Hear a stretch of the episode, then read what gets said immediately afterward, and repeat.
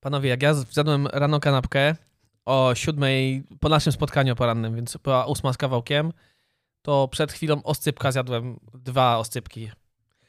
I wtedy, jak do was napisałem te półtorej godziny temu, nie wiem, o 18 z kawałkiem, co was przepraszałem, to to był pierwszy moment, kiedy ja siadłem i tak miałem komórkę i mogłem tak... Uff. I to nie jest narzekanie, tylko po prostu... Musisz A co takiego zwolnić. dzisiaj robiłeś?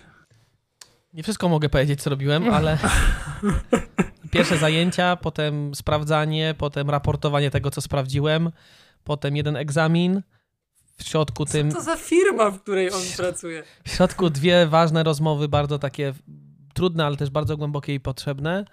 Przybiegłem tu, lekcja i dosłownie biegłem do was. I do słuchaczy, nie? I do słuchaczy, do słuchaczy jesteście. I przychodzę tutaj, nie że żalę się, ale opowiadam jak to.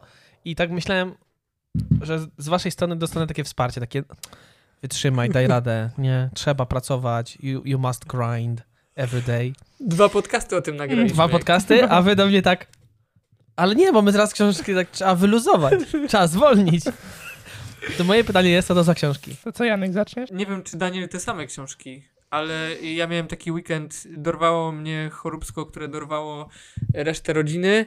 Mnie dorwało tak trzy dni później, jak już wszyscy byli zdrowi i myślałem, że jestem tym jedynym na jachcie, co wiecie, nie został tknięty e, wymiotami i e, udrożnieniem drugiej części ciała.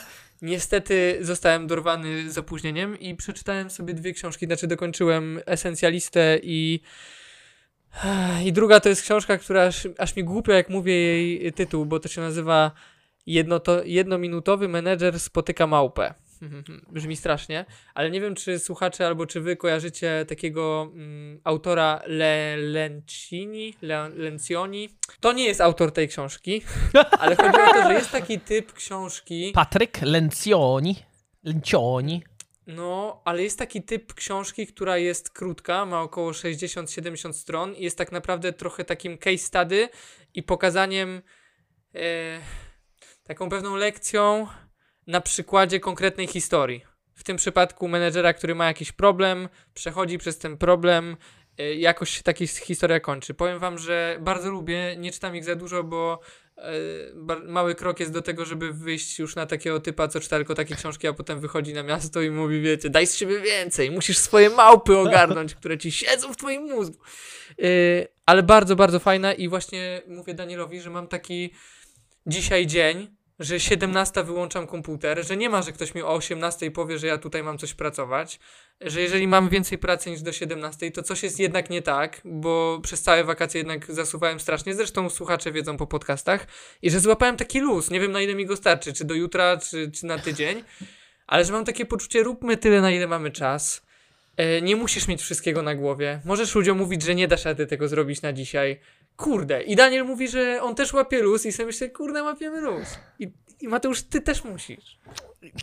No dokładnie. Chciałbym, chciałbym, znaczy tak, bo pod wieloma względami zgadzam się z tym, że jeśli nie masz czegoś ogarniętego do tam którejś godziny, to znaczy coś jest nie tak. Tutaj się peł, pełna zgoda.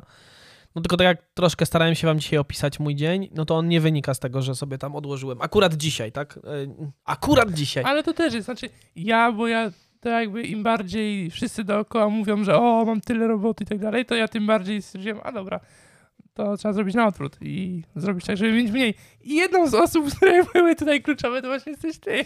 Ja? No bo co poniedziałek przychodzisz i mówisz, o kurczę, nie? Mówię, nie, nie, nie, tak nie może być. No i nie, nie może do tak dzisiaj być. ja też zawsze mówiłem, jaki jestem zmęczony. No. No. No to w drugiej kolejności, Janek, ty byłeś tym drugim. Znaczy macie... w- O, to, tak, no może tak, może macie rację. Nie jest to łatwe. Mi się na przykład to łatwo mówi po takim dniu jak dzisiaj, kiedy miałem spotkanie o 7.30, a potem mam cały dzień przy kąpie dla siebie. Wiesz, układam go idealnie tak jak chcę. Nic mi się nie może wysypać, prócz wycieczki na zakupy i mandatu, nie? To się wysypało. Ale tak sobie myślę, że są dni, w którym nie ma szans. Bo jest typ, co do ciebie zadzwoni 10 razy w ciągu jednego dnia z ze sprawami i cię wybija. Kto taki? Mrugam to Daniela, żartuję. Ale chodzi o to, że są rzeczy, w których po prostu telefon się urywa i cały czas ktoś cię wywala i ty budzisz się o 17 z poczuciem, że ty nic dzisiaj nie zrobiłeś, załatwiłeś pierdyliard spraw, ale nic nie ruszyłeś do przodu i taki dzień przyjdzie i znów będę załamany. Ale dzisiejszy dzień po prostu był idealny pod to, żeby wdrożyć wszystkie zasady z tych książek. To się wysypie prawdopodobnie jutro albo pojutrze. Ale zobaczymy, jak to przebrnie. Ja może na przykład tak na, nie, nie, aż czuję taką potrzebę powiedzenia na swoje usprawiedliwienie. Nie, nie mam, nie każdy dzień taki jest. Po prostu te poniedziałki, kiedy my się spotykamy, tak jest i są czwartki. E, Środy czasami, wtorki, ale właśnie chodzi o to, że wtorki, Piątki środy, chłopaki mogę dopiero o 21, jakbyśmy chcieli nagrywać. wtorki, środy miałem mieć wolniejsze, no tylko w tym, w tym tygodniu znowu będzie kurs taki, nie? Także kurczę. bo to jest tak, że e, to jest, robisz jeden krok do przodu i dwa kroki do tyłu. I tak jest, y, no, tak mój, moje, z mojego doświadczenia tak to wynika. I to jest, idzie do przodu i idziesz sobie pomalutku i Janek, a propos tego, co mówisz, że za dwa dni będzie gorzej, no ale jakby progres idzie w dobrą stronę, jeśli idziesz, no to Tak, ja myślę, że, że to jest chyba kluczowe, że owszem, są takie dni jak ten dzisiejszy, nazwijmy go w cudzysłowie, ale właśnie dążymy jak do czegoś innego. Jak nie? wyciągniesz wnioski, to jest okej. Okej.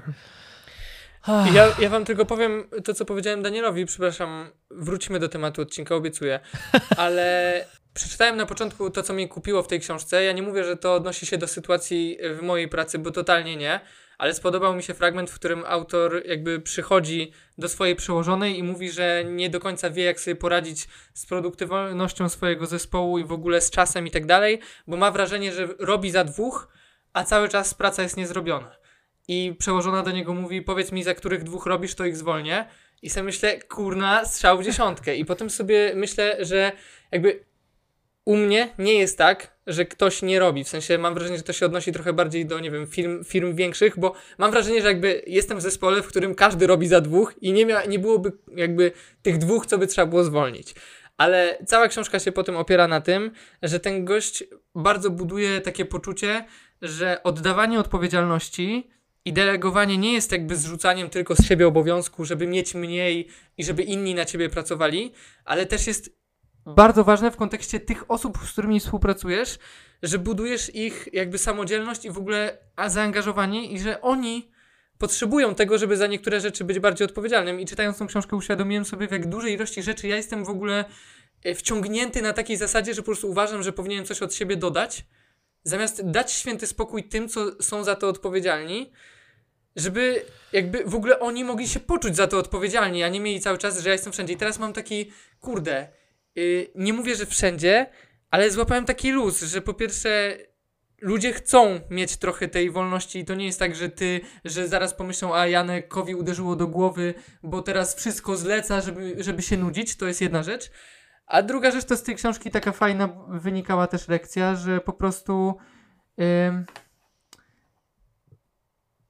jakby dużo mam rzeczy na głowie, których uważam, że nikt nie zrobi dobrze, a to jest y, beznadziejne myślenie. W sensie twoją rolą jest tak zrobić i tak jakby nauczyć ludzi i mieć w nich wsparcie i poprowadzić, żeby jakby potrafili to zrobić. To jest coś złego, jeżeli masz mnóstwo rzeczy na głowie, których nie potrafi nikt inny zrobić, bo to jest problem jakby totalnie we mnie, bo są proste rzeczy, nie? W sensie, no nie, nie będę mówił konkretów. Więc książka, kurde, ja wam chyba kupię ją na święta. Kup nam. Tak Znaczy mi kup, mi kup. Tak, a poza tym delegowanie jest też oszczędnością, nie Jasiek, bo jakby dele i deleguje się raczej w dół i deleguje się najniżej, jak się doda w piramidzie hierarchii, nie? W naszej firmie nikt nie zarabia lepiej niż ty, więc jak delegujesz, twój jakby czas jest cenny. Tak nazwijmy to bardzo, jesteś na szczycie. Szczycie tej całej piramidy, nie? Nie, nie. No to wiesz, ale dobra, w, w założeniu tak jest. Tak? W, lep... nie, nie chcę powiedzieć Ta lepszych firmach. książka sprawi, że jestem krok bliżej. Ale, ale wiesz, jak delegujesz w dół, to zajmuje się tym czymś ktoś, kto zarabia mniej niż ty. Więc firma oszczędza, bo ty się masz czas zająć czymś innym. Mówisz teraz odważne słowa. Ja mówię, ale ja to też nie, nie pokazuję. Nie mówię, nie mówię teraz tego, y, że ja to mówię, tylko y, pan Rafał, którego znamy wspólnie. To, a druga to jest to, co ty mówisz, to ja się z tym bardzo identyfikuję, że ja bym. Nie wiem, czy mógłbym, y, bo już chyba oddałem, co mógłbym oddać komuś innemu, ale nie oddawałem tego długo, długi czas, bo ze strachu, że ja, ktoś to zrobi, nawet nie wiem, czy nie gorzej niż ja, tylko może to zrobić lepiej niż ja. Wtedy ja nie będę potrzebny. Ale przepraszam, w tej książce, ja wiem, Ja że nie zaatakowałem teraz. Też, też bardzo fajnie mówił o tym y, ten autor, że ludzie często jakby chcą być tymi niezastąpionymi w firmie, ale jakby to też jest trudne, bo osoba niezastąpiona, po pierwsze, yy, osoba niezastąpiona często ma problem, żeby awansować, bo skoro jest taka niezastąpiona, to po co go awansować, yy, jakby, bo nie zastąpimy go nikim innym. A druga kwestia przy osobach niezastąpionych jest taka, że podobno y, jak idą zwolnienia, to osoby niezastąpione są zwalniane jako jedne z pierwszych. Y, Tego musiałbym sięgnąć do książki, żeby podać konkretny fragment. Przekonał mnie w tej książce, teraz nie mogę do końca znaleźć na to argumentu. Nie będę teraz szukał, dobra? Pozwolicie. No. Ale opowiem w kolejnym odcinku. No. Także ciekawe, to możemy, ja sobie w naszym magicznym y, dokumencie, z którego dzisiaj chyba po raz pierwszy skorzystaliśmy, y, wpiszmy sobie to, bo to jest ciekawa rzecz, delegowanie. Ale Daniel chyba chciał coś jeszcze powiedzieć. Nie, tak ja kiwał nie, ja Nie? oddelegowałem tą rozmowę do was. Dobra. Jeszcze w pewnym momencie mi się coś wpadło do głowy, ale, ale wypadło już. Dużo ciekawych. A ta druga, ta druga książka, bo to było Essential List, Nie. tak? Czy Nie, to, druga była ta właśnie? jednominutowy menedżer spotyka małpę, a esencjalista to może Daniel by coś powiedział? Ja nie wiem, czy bym coś powiedział, bo ja ją czytałem dawno i jakby te takie główne, te może zostały ze mną, ale ostatnio sobie zacząłem jedną rzecz, to jest następna książka po esencjaliście. Jedna rzecz, y, zacząłem słuchać i, no ale jeszcze nie skończyłem, więc jakby no, nie będę opowiadał, dopóki nie skończę. Ja czytam taką fajną to- książkę, ekstremalne. A najgorsze, Dla że mnie- leży koło łóżka. Dla mnie esencjalista jest przykładem takiej typowej książki, która y, nabudowuje jakby twoje, nie że warsztat, ale pewne takie. Nie wyciągasz z niej czegoś takiego, o, i potem mówisz, że według esencjalisty żyjesz lub wdrażasz wszystkie te rzeczy, ale ona buduje taką kolejną warstwę, nie wiem, cebuli czy czegoś na, na tobie, która sprawia, że jesteś jakby.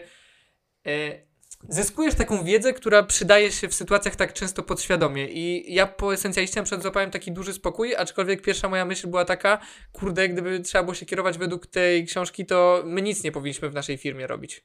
W sensie najlepiej rzucić wszystko i ustalić, że nie wiem, robimy tylko jedną rzecz. No bo przecież esencjalista myśli, wybiera jedną rzecz i nie jest wszędzie. Po czym, wiecie, jesteś wszędzie. Ale potem trzeba to chyba to trochę przenieść na siebie i... Znaczy, to jest ciekawe, bo y, nie tylko, to nie tylko chodzi o zarządzanie czasem i pracą, ale zazwyczaj specjaliści w różnych dziedzinach mają rację, mimo że czasem wydaje nam się, że nie mają racji na jakiś temat. Nie wiem, czy to ma sens. No Ale- chyba nie ma. No chodzi o to, że mamy jakiegoś specjalistę, który załóżmy esencjalista mówi ci, jak y, powinieneś sobie ułożyć tam, nie wiem, pracę, nie?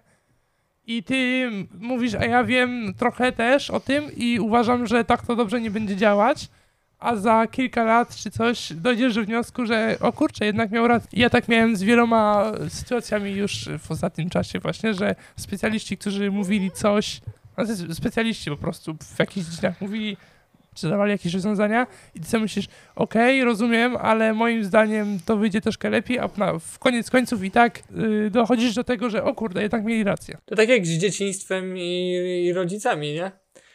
Na starość albo dziadkami, albo w ogóle ludźmi, jak słuchasz podcasty, nie tylko ludzi biznesu, albo w ogóle, którzy dzielą się radą, typu tam się ciesz, załóżmy życiem, nie?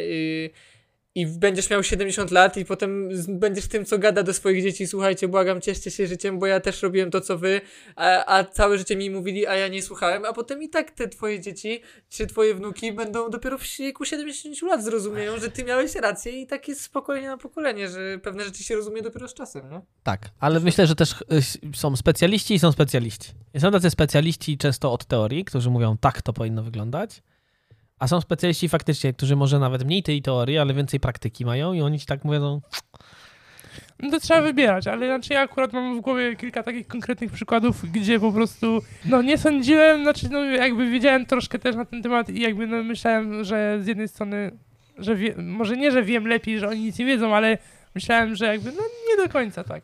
A potem przychodzi rzeczywistość i się okazuje, że kurde, mieli rację dokładnie. no trzeba dużo pokory. Dużo pokory. Tak. I, cieszyć się każdą chwilą i rezygnujemy, odcinamy rzeczy, których nie musimy się zajmować. Ja już nie wstaję o 4.30 jutra. Cieszę się życiem. Mateusz, przeczytałeś pierwsze 10 stron ekstremalnego przywództwa, zatrzymałeś się na tym, że trzeba wstawać o 4.30 i nie zrozumiałeś, że gość właśnie zupełnie Gościu. mówił na odwrót, ale Nie doczytałem, że on tam mówi tak, wstawaj przez 4, 4, o 4.30 przez pierwszy tydzień, a potem zrozum, że nie potrzeba. tak właśnie. Zabrakło rozdziału. Ale w ogóle, tak kończąc ten nasz wstęp, to y, byłem dzisiaj na spacerze, ja abs- abstrahując od tego, że wymyśliliśmy inny temat odcinka i zaraz o nim będziemy rozmawiać, to uważam, że to jest świetne, że on padł wcześniej, bo miałem czas, żeby w ogóle jakieś mi takie myśli się przylepiły do głowy, to jest jedna rzecz. Ale po tym weekendzie złapałem, przez to chyba, że tak wolności trochę złapałem o tej 17, że wyłączyłem komputer, mam takie, ja chcę już sięgnąć po kolejną książkę, w sensie, nie mówię, że tylko poradnikowe. Mam też książkę o jakichś tam 7 nasiona, nasion, które zmieniły w ogóle bieg świata. Kurna, mam taką potrzebę, żeby czytać, słuchać podcastów, dowiadywać się o świecie nawet nie bieżących rzeczy, co tam się dzieje na froncie i tak dalej, chociaż to jest istotne. E, Nie wiem, ta przestrzeń i wolność po tym weekendzie sprawia, że zacząłem być ciekawy świata. Yy, totalnie, jeszcze bardziej, totalnie odświeżające doświadczenie, polecam. Ja myślę, że po prostu cię tak wyczyściło, nie tylko tak e, mentalnie, ale też tak e, Całkiem fizycznie. dosłownie. Nie wiem. tylko fizycznie, ale psychicznie, tak? I, i ty złapałeś tak właśnie nowego oddechu. E, chyba doświadczyłem czegoś podobnego, jak dwa tygodnie temu, czy trzy, byłem na L4 po raz pierwszy od trzech lat, czy czterech, trzy dni i to po prostu był kosmos. Jeden dzień faktycznie po prostu nie byłem w stanie, drugiego dnia sobie tak zacząłem sprzątać i mieszkanie i to faktycznie, jeju, ta głowa mi tak odpoczęła. No, że chciałbym A tak więcej. trzeciego dnia No, trzeciego dnia już myślałem o pójściu do pracy, no i to takie, e, no, chciałbym chyba takiego oddechu. No ale to jest też chyba bardzo dobre, mm, bo znaczy to jest chyba, bo my tak sobie nie wiem, załóżmy, że uważamy, że nie wiem, pracowanie 7 dni w tygodniu jest, yy, powinno tak być, nie no załóżmy. Znaczy nie, my nie uważamy, ale załóżmy, że mamy taką świadomość, że nie wiem, powinniśmy pracować i nawet jak tam trochę, trochę w sobotę, trochę w niedzielę i potem cały tydzień, po 12 godzin albo 13 najlepiej. A wydaje mi się, że jest też dużym przejawem takiej produktywności robienie sobie właśnie przerw, nie? Bo potem wracasz po takiej przerwie i działasz jakby z nowym Zapałem. zapałem, nowym myśleniem i te przerwy też są strasznie ważne i wydaje mi się, że przejawem strasznej nieproduktywności jest nierobienie sobie właśnie przerw. No Jak sobie patrzymy na te kraje bardziej rozwinięte i bogatsze, jak Niemcy, Skandynawia, no to oni ten work-life balance, o tym mówiliśmy już, mają zdecydowanie bardziej rozwinięty. No Niemcy są w czołówce na świecie ludzi zadowolonych z swojego życia, w sensie takim, że pracują, mają pieniądze, nie trzeba się przepracowywać, znaczy nie wiem, czy przepracowywać, ale pracują mniej niż my. Yy, Nie, nie wiem, czy oglądacie lekkostronniczych, ostatnio powoływali się na, na jakieś badania statystyczne, że my Polacy jesteśmy w, w trójce pierwszych krajów w Europie, gdzie najmniej ludzi uprawia sport. Tam 60 parę What? procent, 60 parę procent nie uprawia sportu w Polsce. Tak według y, lekkostronniczych, nie pamiętam który odcinek. Y, A gorsi, według nich? To... znaczy oni się powoływali też na coś. Nie, żartuję. E, I wiem. gorsi są tylko Grecy i Portugalczycy. I jak popatrzyli, zaraz sobie to przejrzeli, a w, a w czołówce są kraje skandynawskie, e, które uprawiają sport, nie? Tam Norwegia i, i Szwecja. Natomiast jak popatrzyli sobie dokładnie w tym samym odcinku, mówili, to sprawdźmy coś i sprawdzili, kto najwięcej pracuje w Europie, to to są te, trzy kraje. Grecy, Portugalczycy i my. Grecy najwięcej pracują? I to jest niesamowite, prawda? Że nam się Ja wyobraża... z tym nie zgodził totalnie, chociaż słuchałem odcinka podcastu o kryzysie, który teraz tam panuje, raczej trudnej sytuacji i podobno większość, w sensie mnóstwo, ja nie brałem pod uwagę, że Grecja jest takim państwem, ale tam ogromna ilość osób y, żyje poniżej granicy ubóstwa, w Grecji, w Europie, kurna. No. Ale-. Ale to dzisiaj czytałem na chyba WP. Kurczę, sorki, nie, nie, nie odwołam się, ale yy, o biedzie w Polsce i my mamy 2 miliony ludzi, którzy żyją w skrajnej biedzie. W biedzie, 2 miliony ludzi z nas, tak. Yy, między tam 2019 a 2020 się to polepszyło do miliona 600 tysięcy, a teraz z uwagi na tą sytuację panującą, znowu te 400 tysięcy wpadło w te 2 miliony ludzi żyjących w skrajnej biedzie. Skończę tylko ten trywialny temat sportu. No i wniosek jest taki, żeby my się po prostu, my jesteśmy tak zapracowani, że nie mamy siły na, na sport, tak generalnie jako społeczeństwo. A te kraje, które mają troszkę lepszy status, e, no to, no to tego sportu jest tam więcej, bo mają więcej przestrzeni, nie? E, No, tak to, takie to. A, a jeszcze wracając do tego, co powiedział Daniel i tej przerwie, to też w ten weekend tak wyciągnęliśmy sobie, w końcu się znalazł czas, mamy taką mapę z Izą do zdrapywania krajów, w których się było, nie? Oj, I oj, byliśmy oj. w czerwcu. O, panie, w czerwcu byliśmy na, na y, ślubie mojej siostry we Włoszech. Do tej pory nie mieliśmy czasu zdrapać tych Włoch. Wyjęliśmy ją w końcu wczoraj. Zobaczyliśmy, jaki ten świat jest ogromny jaki pociągający. I widzisz tą mapę, widzisz tą, y, te kraje, w których jeszcze nie byłeś. I po prostu już masz takie, w głowie nam się zrodziło, wiesz, założyć konto, gdzie chociaż 50 zł miesięcznie odkładać, żeby gdzieś na tą Amerykę się kiedyś odłożyło. Powiem wam, że jakby tak, trzeba robić takie rzeczy, w sensie świat. To jest przesrane, nie? Bo ostatnie dwa odcinki ja mówiłem, jak to, jak to dużo pracuje, ale świat jest tak ogromny i tak piękny i tak trzeba go jakby pojechać gdzieś i mnie tak... Miałem ochotę po prostu wczoraj się zapakować do samochodu i gdzieś po prostu wyjechać. Zobaczyć nową kulturę tych ludzi uśmiechniętych, tam słoneczko gdzieś. Dramat. To jedź do Grecji, No. słyszałem, że tam... To znaczy, Janek, to musisz uważać, bo to jest dużo prostsze niż ci się wydaje. O, Bo ja e, w, w poniedziałek rano jeszcze nie miałem żadnych planów, żeby gdzieś wyjechać, a w tak. poniedziałek o- po 10 już się pakowałem do auta. no. Czekaj, w poniedziałek? E, W piątek, sorry, w piątek, w piątek. Piątek. No. To jest łatwiejsze, tylko ja na, ja na przykład... Ha, dobra, długi, długi temat, nie na dzisiejszy odcinek, No ale tak. dawaj. Nie, nie, nie, Dawaj, bardziej... Przy 22 minucie nagramy drugi odcinek bonusowy o... I tak już nie będziemy o, o, o tym, O tym, co mieliśmy rozmawiać. Otwieraj temat. Nie no, z jednej strony jest to tak proste. Jeśli masz jeszcze troszkę funduszy i masz je tam leżące gdzieś na tym, znaleźć miejsce do spania teraz w Polsce nawet w, w, nie jest trudno. Nie? Jak sobie patrzę na Bieszczady, które gdzieś tam serce mi ucieka do nich ciągle, no to tam jest tych domków od groma.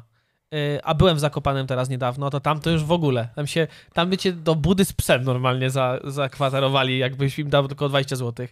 To, to cię A zakup- to nie jest tak, że właśnie ceny są jeszcze trochę niewyobrażalne w takim Zakopanem? Mi się to jednak kojarzy, kurna, sezon, nie sezon, tam mają ceny jakbym do Dubaju leciał. Tak, no i nawet pewnie wyższe niż w Dubaju. No ale da się znaleźć też tańsze. Okej. Co tu dużo mówić, dwa dni temu czy trzy dni temu byłem w Toruniu i owszem, można było znaleźć noclegi po 90 i 100 zł. I to nie mówimy o jakimś wysokim standardzie, tak? Mówimy najtańsze. Albo takie jak my mieliśmy i to było za 40 zł za nocleg. 10 minut od rynku. Ale jesteś cały na szczęście. Jestem cały, nogi mnie spędzą od tego. Słuchajcie, nigdy nie czułem jakiejś wielkiej potrzeby używania klapków pod e, klapek, klapków pod prysznicami. Teraz śmigałem gumowca Ale prawie. by-. Były pokoje wieloosobowe, czy były chociaż wasze? E, tak, tak. Znaczy były wielo... Znaczy, na szczęście to nie był hostel, tak? To, to był... Nie chcę jakby mówić, bo nie chcę robić antyreklamy. To było fajne miejsce, z fajnym, z bardzo przemiłymi ludźmi, z takim fajnym atmosferą. Natomiast jakbym zamknął oczy i otworzył, to bym spokojnie bym sobie mógł wyobrazić, że to jest rok 1995. E, I taki Czyli moje urodziny. fajny klimat. Fajny klimat, no i 40 zł. No i znowu, to, to, to jak Daniel mówisz, to jest bardzo proste pod wieloma względami. E, Bilety lotnicze, pomimo że podrożały, dalej są tanie. Ktoś tam teraz leci, leci do Hiszpanii, lecą za 300 zł z Krakowa, albo kurczę, tutaj przepraszam, nie wiem, ale do Barcelony. Za 300 zł jedną stronę. No to nie są to duże pieniądze, zważywszy na to, że Pendolino do Warszawy kosztuje normalnie, nie wiem ile, 150?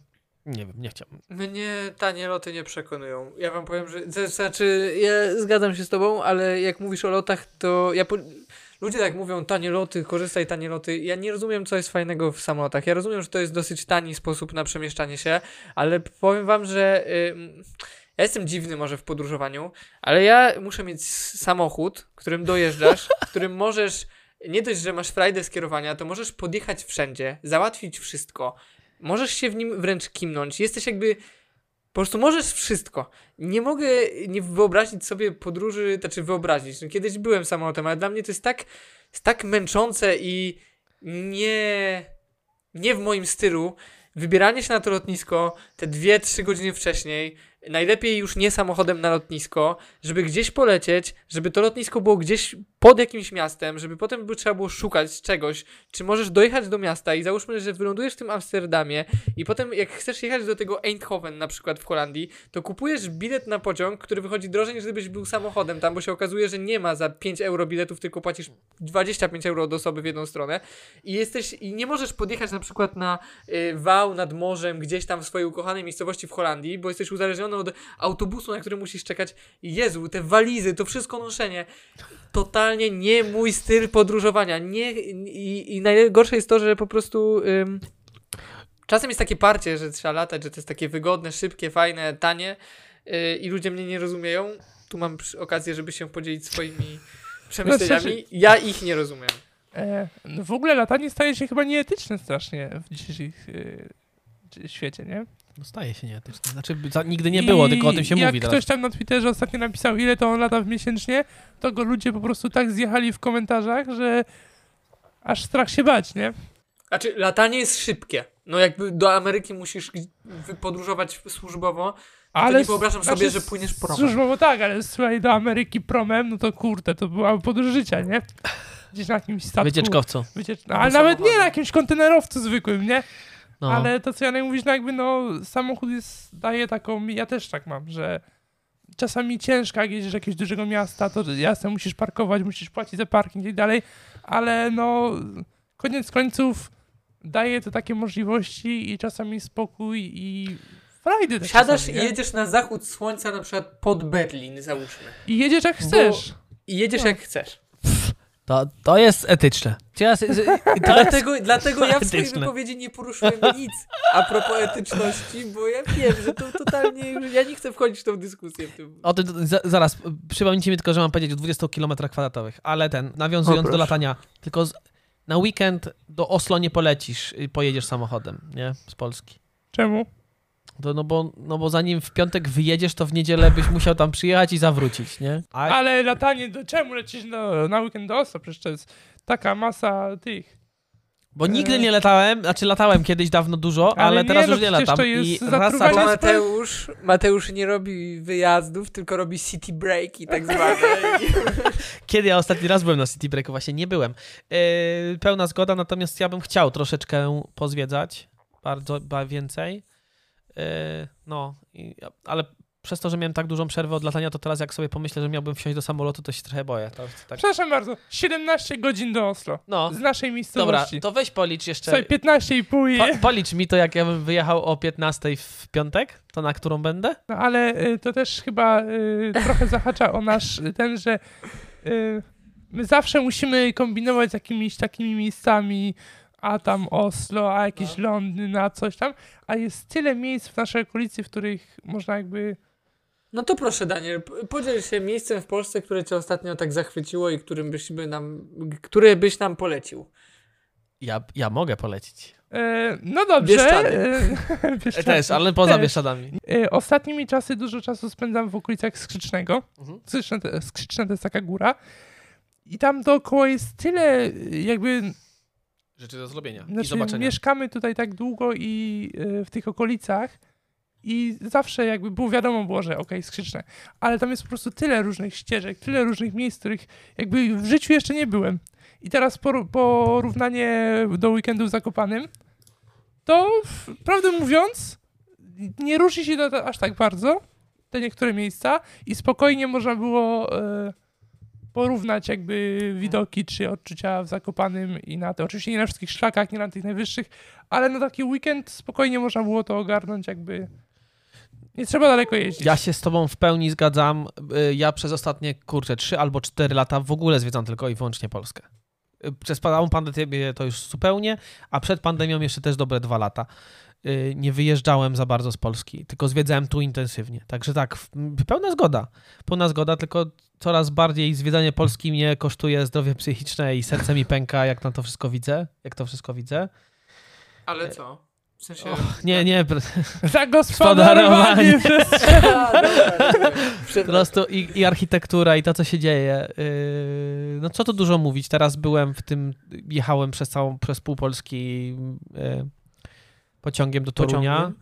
Yy, I, i, I to boli, jak się to widzi to dookoła. To... Widzisz, trzeba jechać samochodem. Autostradą śmignąć.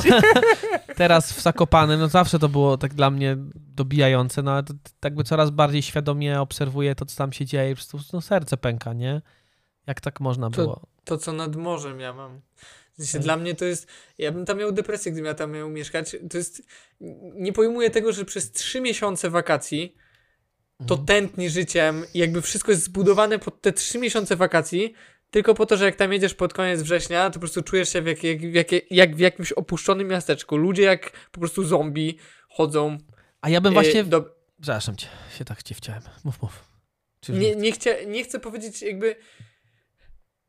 Dobiło mnie, jak byliśmy z Izą trzy tygodnie temu, zrobiliśmy sobie właśnie krótki wypad i wyskoczyliśmy spod Warszawy nad morze na jednodniowy trip samochodem do Piasków, tam gdzie jest granica z Rosją, żeby sprawdzić, czy wszystko w porządku. Nie wiem, czy to mówiłem, wszystko Nie w mówiłeś. porządku. Po prostu, słuchajcie, ludzie jadą na jakieś nie wiadomo jakie plaże, żeby być samemu. My przez 5 km plaży minęliśmy jedną panią. Pięknie, idealnie. Doszliśmy do samej granicy, wróciliśmy, ale wcześniej trzeba przejechać przez tą krynicę chyba morską, czy jakoś to się nazywa. No i atmosfera tych miejscowości, które ewidentnie są ulepione właśnie pod te 3 miesiące, plus jakieś taka w powietrzu wiszący taki smutek. Ci ludzie, których mijasz w sklepie, y, widać, że po prostu poza sezonem albo tracą pracę, y, dużo ludzi chyba popada w jakiś alkoholizm, albo może on wychodzi po prostu wtedy na wierzch. Czuję po prostu takie przygnębienie, że ja bym tam nie wytrzymał z Izą. Zawsze jak jedziemy, to mamy takie, kurde, po prostu depresyjny stan się robi. Mimo tego, że taka piękna okolica A i w- wiecie, ludzie tam biją przez całe wakacje, ale no, A w twoich okolicach nie ma takich miejsc? Bo na przykład ja się ostatnio zdziwiłem, że na jeziorze koło nas byliśmy z- pod koniec wakacji z Mateuszem na supach popróbować. Byliśmy co prawda w sobotę? W sobotę rano, no. Bodajże byliśmy w sobotę. Tydzień później byłem w tym samym miejscu rano, tylko oczywiście to był, y, to był już y, tydzień i po prostu żywej duszy nie było. A tydzień wcześniej po prostu prawie nie dało się wejść na plażę. Dobra, plaże. tylko że jezioro bez nazwy Jakieś tam. nie żyje, jak, nie opiera się biznesu chyba tylko na jeziorze. Chodzi o to, że tam masz wrażenie, że w piaskach czy w krynicy morskiej ludzie tylko z tego żyją, albo w większości. I po prostu pada wszystko i te witryny sklepów, te lody, te gofry, te smażalnie, to wszystko jest puste i takie zbite po prostu na, ewidentnie z tych desek, wiecie, że zaraz się po prostu rozsypie tandeta taka przyklejona, byle wytrzymała 3 miesiące. Nie powiesz mi, że nad waszym jeziorem jest aż taka tandeta dookoła całego jeziora i ludzie po prostu zarobili. Wiesz co?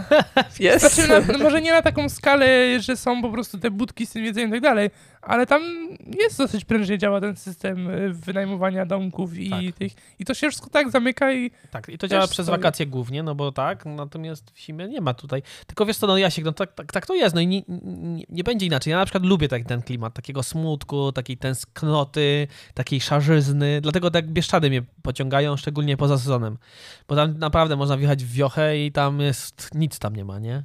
Jeszcze takie klimaty, jak tam zacząłem jeździć w latach, ha, ha, ha, 2000, późnych 90. i 2000, to takie stare na, na wsi, taki, to był dla mnie, to, to jest taki szczyt, marzę znaleźć taki sklep jeszcze.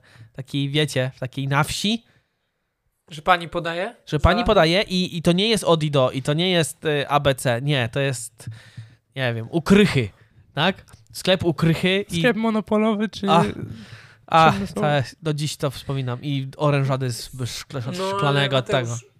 W Bieszczadach masz ten klimat. I nawet jak jest depresyjnie i smutno, to nie jest dlatego, że przed tą chatą masz budę, gofry, lody, hot dogi i zdjęcie z pendrive'a w 10 minut na tle, kurna, green screena, To prawda. tylko masz klimat, tak? W No Krynicy Morskiej nie masz tego klimatu. Wiesz co, ja, się, ja jestem gotów, jeszcze się tam przejadę kiedyś. Albo lepiej polecę sobie z? Krakowa samolotem do Gdańska i pociągiem. O, i to chciałem ci powiedzieć, Jaśku, no to skoro nie samochód, to może na przykład pociągiem po Europie. Bilety są takie, że wiesz, na tygodniowe, weekendowe i możesz sobie jeździć, jeździć, jeździć. Ale przecież to dalej nie rozwiązuje problemu, że nie możesz sobie na przykład zapakować się, przysłowiowo pierdnąć swoje siedzenie i pojechać sobie w prawo, a potem w lewo, a potem się zatrzymać, a potem skręcić tu, skręcić tam. Dalej jesteś uzależniony od jakiegoś Dobra. rozkładu, od tego, czy on w ogóle pojedzie, czy nie pojedzie. Ktoś ci sprawdza bilet, a tu płacisz tylko za paliwo, za winietę i jesteś... robisz co chcesz. Chyba, że cię panowie tu, bo ci ta policjanci złapią i tam wtedy, wiesz, Ja za granicą jeżdżę mega grzecznie. tylko w Polsce. Tak, ja się zgadzam, y, dlatego też lubię motor na przykład, bo to jest jakby ten, tej wolności jest jeszcze troszkę więcej, nie? Czy jest takie pojęcie fast travel? Tak, jest fast fashion czy coś? Czy Może. bo tak mówiłeś o tym Oslo i tak sobie mówię, tak sobie myślę, że... Byleby zaliczyć, nie? Byleby pojechać, dotknąć, wrócić, Trochę tajne, ale no bo odhaczyć. co ty tam zobaczysz przez ten dwa dni w tym Oslo, czy w tym... Znaczy jasne, możesz dużo rzeczy zobaczyć, ale zastanawiam się, czy, czy to jest jakaś przyjemność z tego, czy nie, czy nie lepsze byłoby po prostu wziąć tego tydzień urlopu, pojechać sobie na spokojnie, a nawet polecieć tym samolotem, ale po prostu spędzić sobie na spokojnie ten, tydzień czy coś. Chłopaki, tylko się nie pobicie, bo ja was jakby co nie Nie, rozciągnę. jakby ja tu nie, ja, ja to te, te, teoretyzuję i tak zastanawiam się po prostu głośno, takie mam myśli, czy, czy Ja my po prostu tak pędzimy, że Ja wiecie Ja co? ci powiem, Dobra, jak Mateusz powie. wypipkaj, co? Aha, to, wypipkaj to. Dobra, ja to całe te wyjazdy, będę chyba siedział w domu, czytał książki. Jak Jasiek. Ej, nie, no bo bez jaj. Ja, ja, ja w odpowiedzi na twoje pytanie, Danielu, potrafiłem pojechać e, na jeden weekend do Berlina samochodem, ale przez to, że to było samochodem i ta podróż trwała już nawet nie wiem ile tam godzin jechaliśmy, nie chcę skłamać, te 8 godzin w samochodzie, to już było to coś, ta wyprawa i już trwało to oglądanie tego kraju i tak dalej. I mi starczył ten weekend, bo on był taki, my cały czas byliśmy, to nie było coś takiego, że lecimy, jesteśmy w powietrzu, nagle lądujemy taksówką do Oslo, tam kawka, dwa muzea i samolotem niebem do Polski. Drogą do Berlina, zwiedzanie, krajobraz, nie wiem, drogi, autostrady, policje i inne sprawy buduje takie doświadczenie, że moim zdaniem jest y, cztery dni od piątku do niedzieli samochodem do Berlina jest bardziej jakby angażujące i jakby więcej doświadczeń może sprawić niż od piątku do niedzieli do Berlina samolotem. Dziękuję. Jak nie rozumiecie mojego toku rozumowania, to nie Znaczy, jesteśmy rozumiem, godni, żeby... ale- myślę, że to w sumie jest tak, że to jest bardzo taka osobista sprawa. I, niekt- Oczywiście, że i tak. że niektórzy po prostu y, patrzę na ciebie, ale po prostu, że niektó- niektórym tak wystarcza, że tam polecą samolotem, wpadną gdzieś na chwilę, No. po, pozwiedzają i wracają. I im to odpowiada i są po prostu zadowoleni, a niektórzy po prostu potrzebują więcej czasu i wolą Tak. sobie tak na spokojnie. Ja zdecydowanie możecie na mnie patrzeć, bo ja tak nigdy nie zrobiłem, jak wy mówimy, ci wiecie. Daniel, Mateusz po prostu jak gdzieś leci, leci w tango, nawet kiedy te, te dwa dni mijają, budzi się w niedzielę Dokładnie. na lotnisku, Słuchajcie, nigdy tak nie zrobiłem. wali klina. I może dlatego, dlatego, że tak nie robiłem i nie robię, to gdzieś tam mnie chciałbym spróbować. O, może tak. Bo Faktycznie tak nie, nie robiłem. E, I e, to, co Jaśku mówi, ja to bardzo dobrze rozumiem, bo wielu rozróżnia turystykę, a podróżowanie. I dla mnie polecenie gdzieś nawet na na przykład, nie, nie, absolutnie nie krytykując, tylko tak opisując, tak? I- i- Jechanie na, czy lecenie do, Do Oslo? do Oslo, albo myślałem akurat bardziej o Egipcie i siedzenie tam dwa tygodnie w hotelu i zobaczenie piramid, to jest turystyka. A jakbyś tam miał to samo zrobić, tylko na przykład samochodem i jechać tam 7 dni, żeby tam Starym być tam maluchem. starym maluchem, o, moja babcia z Janem Dziadkiem świętej pęci. Ach, to wam Pojechali do Egiptu maluchem? Nie, ale do Bułgarii na Złote Piaski. I tylko dlatego, że miejscowość się nazywała Złote Piaski. I mój dziadek jak to usłyszał, po prostu puf, kosmos. I pojechali starym maluchem we czwórkę. Dziadek był wyższy ode mnie, ja mam 1,76 m, a dziadek był większy facetem ode mnie. I moja babcia z moim dziadkiem na tylnym siedzeniu w maluchu, nie wiem czy ktoś siedział, to oni całą tą podróż przeżyli z tyłu. Z dwójką jeszcze znajomych. Yy, I we czwórkę. We czwórkę jechali maluchem. No, Złote Piaski, bo były w Bułgarii i się nazywały Złote Piaski. No i to była przygoda. I to nie? była przygoda. I do dziś, widzicie, wnuk opowiada. I mogli skręcić gdzie chcieli. I dokładnie. I jeszcze urwała się linka od zapłonu i naprawiali drutem z płotu. No i to opowiedz to sobie. No. Jakby ja to rozumiem bardzo dobrze i dla mnie często, i dla wielu często jest, ta podróż jest ważniejsza niż jakby ten cel, tej, to bycie w Berlinie nie jest tak ważne, jak sam fakt, dobra, wsiadam na tego rumaka, którym jest f- f- Seichen, to tak patrzę, No przecież nie bez powodu często ja na przykład jak się zbliża moment wyjazdu z jakiegoś miasta, ja się już nie mogę doczekać. W sensie jak pakujemy coś do samochodu, zamykamy ten bagażnik, ja się tak samo cieszę często na drogę powrotną, co na jazdę. A często jakby kojarzyło mi się, że że taki wyjazd powinien się kończyć, wiecie, z czymś smutnym. O, już tęsknimy, już by się nie chciało wracać do. Pol- Może to też zależy od tego, do, do czego się wraca, nie? Jak się wraca do rzeczy, które się lubi, to też się inaczej wraca, niż jakbym wracał do czegoś, czego nie lubię. Ale no tak, ta podróż Złote Piaski zazdroszczę, może też kiedyś przerobię. To ja mam jeszcze do was takie pytanie, bo w sumie Mateusz nie podróżowałeś ostatnio dużo samochodem, ale w sumie to yy, No. w sumie to jedno i bez znaczenia. Yy, czy wolicie podróżować, yy, załóżmy, że nie w celach związanych z pracą, tylko po prostu faktycznie gdzieś jedziecie na wycieczkę, yy, w nocy czy w dzień?